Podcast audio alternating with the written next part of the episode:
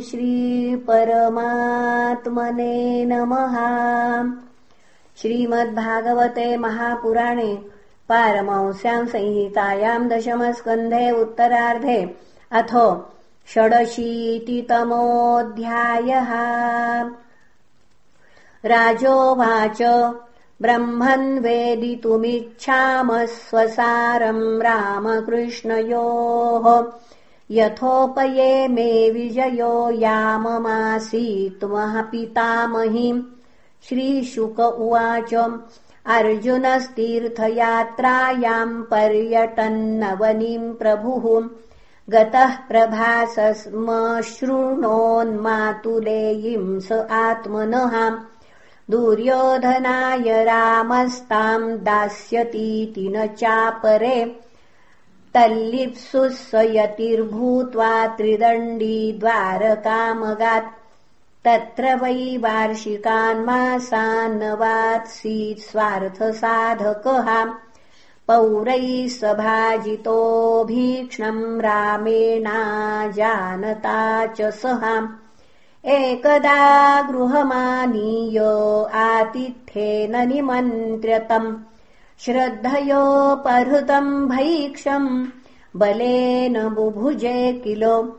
सोपश्यत्तत्र महतिम् कन्याम् वीरमनोहराम् प्रीत्युत्फुल्ले क्षणस्तस्याम् भावक्षुब्धम् मनो दधे सापितम् चकमे वीक्ष्य नारीणाम् हृदयङ्गमम् हसन्ति व्रीडितापाङ्गी तन्यस्तहृदये क्षणाम् ताम् परम् समनुध्यायन्नन्तरम् प्रेत्सुरर्जुनः न लेभेशम् भ्रमच्चित्तः कामेनातिबलीयसाम् महत्याम् देवयात्रायाम् रथस्थाम् दुर्गनिर्गताम् जहारानुमतः पित्रो कृष्णस्य च महारथः रथस्योधनुरादाय शूरांश्चारुन्धतो भटान्। विद्राव्यक्रोशताम् स्वानाम् स्वभागम् मृगराडिव। तच्छ्रुत्वा क्षुभितो रामः पर्वणीव महार्णवः। गृहीतपादः कृष्णेन सुहृद्भिश्चान्वशाम्यतो। प्राहिणोत्पारिबर्हाणि वरवधोर्मुदा बलहाम् महाधनोपस्करे भरथाश्वनरयोषितः। श्रीशुक उवाच। कृष्णस्यासीद्विजश्रेष्ठ श्रुतदेव इति श्रुतः कृष्णैकभक्त्या पूर्णार्थ। शान्तः कविरलम्पटहाम् स उवास विदेहेषु मिथिलायाम् गृहाश्रमीम्। अनीहया गताहार्य निर्वर्तितननिजक्रियः यात्रामात्रम् त्वहरहर्दैवादुपनमत्युत नाधिकम् तावता तुष्ट क्रियाश्चक्रे यथोचिताः। तथा तद्राष्ट्रपालोऽङ्ग बहुलाश्व इति श्रुतः। मैथिलो निरहम् मान उभावप्यच्युतः प्रियौ। तयो प्रसन्नो भगवान् दारुकेणाहृतम् रथम्। आरुह्य साकम् मुनिभिर्विदेहान् प्रययौ प्रभुः। नारदो वामदेवोत्रिः कृष्णो रामोऽसितोरुणिः अहम् बृहस्पतिः कण्वो मैत्रेयश्च वनादयः।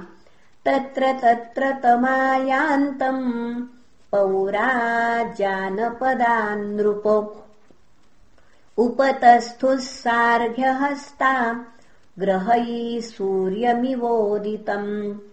आनर्तधन्वपुरुजाङ्गलमङ्कमत्स्य पाञ्चालकुन्तिमधुकेकयकोसलार्णाः अन्ये च तन्मुखसरोजमुदारहासस्निग्धे क्षणम् नृपपपुरुदृशिभिर्नृनार्यः तेभ्यः स्ववीक्षणविनष्टतमिस्त्रदृभ्य क्षेमम् त्रिलोकगुरुरर्थदृशम् च यच्छन् शृण्वन्दिगन्तधवलम् स्वयशोऽशुभग्नम् गीतम् सुरैर्नुभिरगाच्छनकैर्विदेहान्।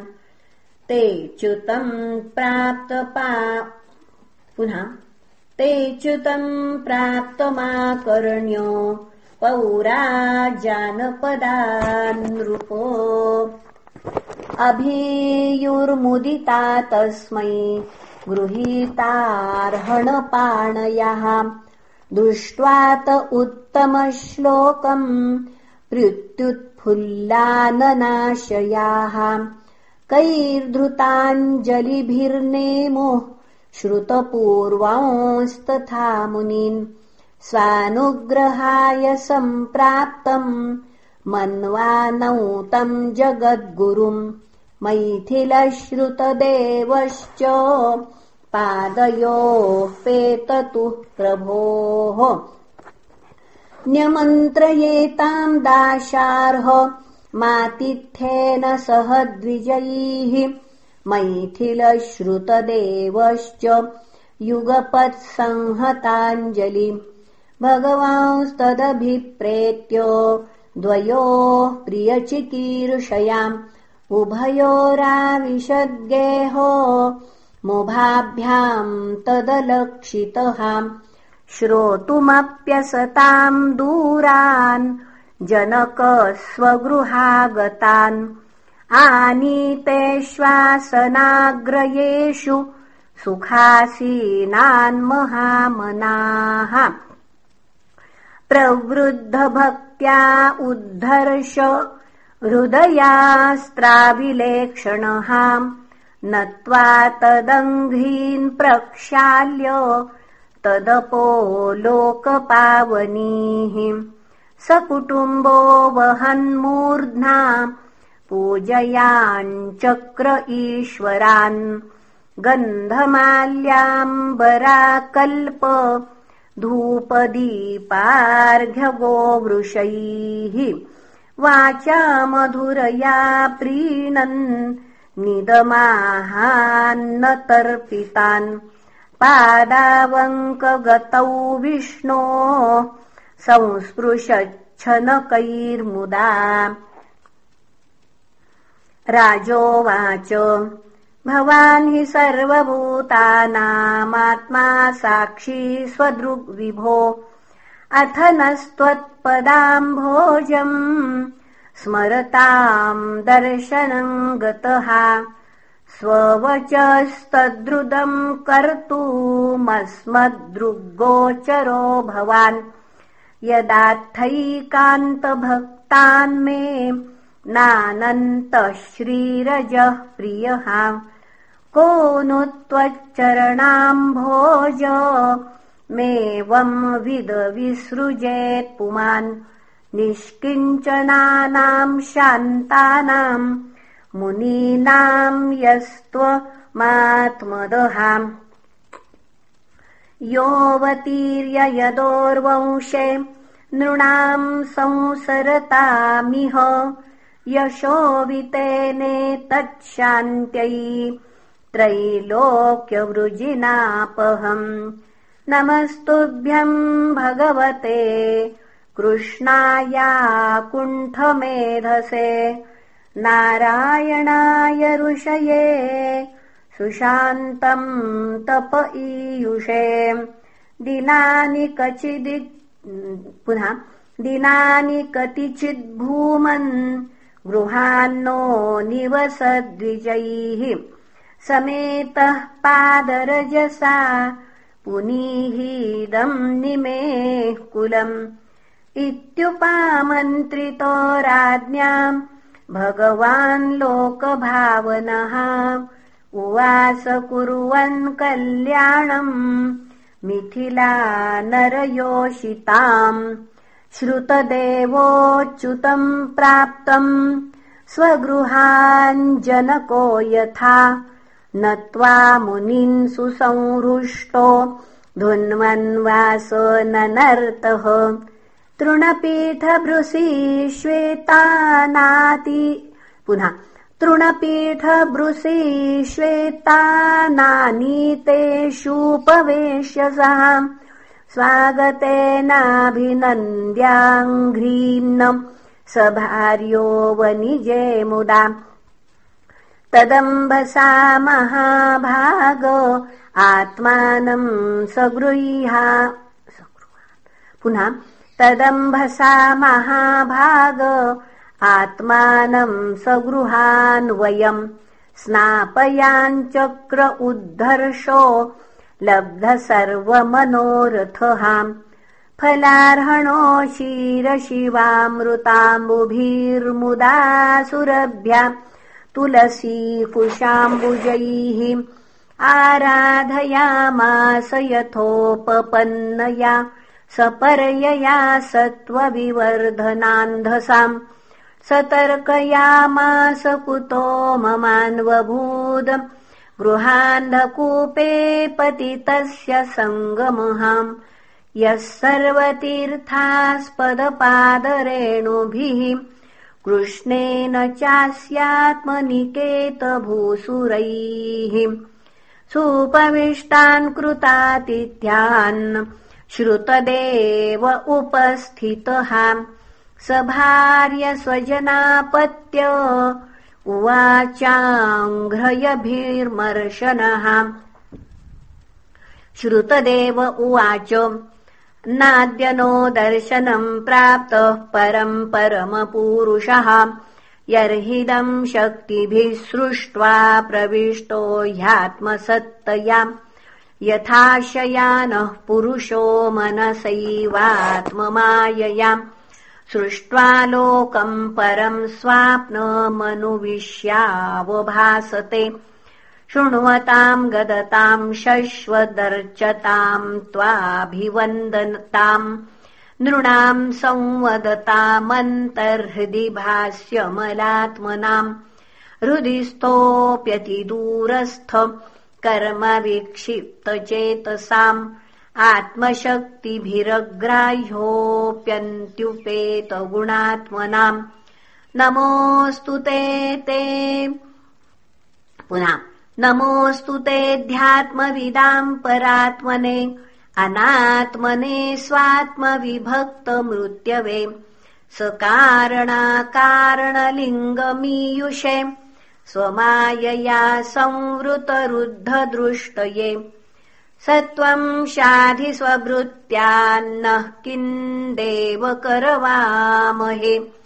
एतदन्तो नृणाम् क्लेशो यद्भवानक्षिगोचरः। श्रीशुक उवाच। तदुक्तमित्युपाकर्ण्य भगवान् प्रणतार्तिहाम् गृहीत्वा पाणिना पाणिम् प्रहसंस्तमुपा पुनः गृहीत्वा पाणिना पाणिम् प्रहसंस्तमुवाचः श्रीभगवानुवाच ब्रह्मंस्तेऽनुग्रहार्थाय सम्प्राप्तान् विध्यमुन्मुनीन् सञ्चरन्ति मया लोकान् पुनन्तः पादरेणुभिः। देवाः क्षेत्राणि तीर्थानि दर्शनस्पर्शनार्चनैः। शनैः पुनन्ति कालेन तदप्यर्हत्तमेक्षयाम्। ब्राह्मणो जन्मना श्रेयान् सर्वेषाम् प्राणिनामिह तपसा विद्यया तुष्ट्या। किमु मत्कलया युतः न ब्राह्मणान्मे दयितम्। रूपमेतः चतुर्भुजम् सर्ववेदमयो विप्रः। सर्वदेवमयो ह्यहम्। दुष्प्रज्ञा अविदिते पुनः दुष्प्रज्ञा अविदित्वैव मम जानन्त्यसूयवहाम् गुरुम् माम् विप्रमात्मान मर्चादाविज्यदुष्टयहाम् चराचरमिदम् विश्वम् भावायेत्यास्य हेतवः मद्रूपाणीति चेतस्या धत्ते विप्रो मदीक्षयाम् तस्माद्ब्रह्म ऋषीनेतान् ब्रह्मन्मच्छ्रद्धयार्चयहाम् एवम् चेदर्चितोऽस्मद्धाम् नान्यथा भूरिभूतिभिः। श्रीशुक उवाच स इत्थम् प्रभुणादिष्ट सः कृष्णान् आराध्यैकात्मभावेन मैथिलश्चापसद्गतिम्। एवम् स्वभक्तयो राजन् भगवान् भक्तभक्तिमान्। उषित्वादिश्य सन्मार्गम् पुनर्द्वारवतीमगात इति श्रीमद्भागवते महापुराणे पारमहंस्याम् संहितायाम् दशमस्कन्धे उत्तरार्धे श्रुतदेवानुग्रहो नाम षडशीतितमोऽध्यायः। श्रीकृष्णार्पणमस्तु। हरये नमः हरये नमः हरये नमः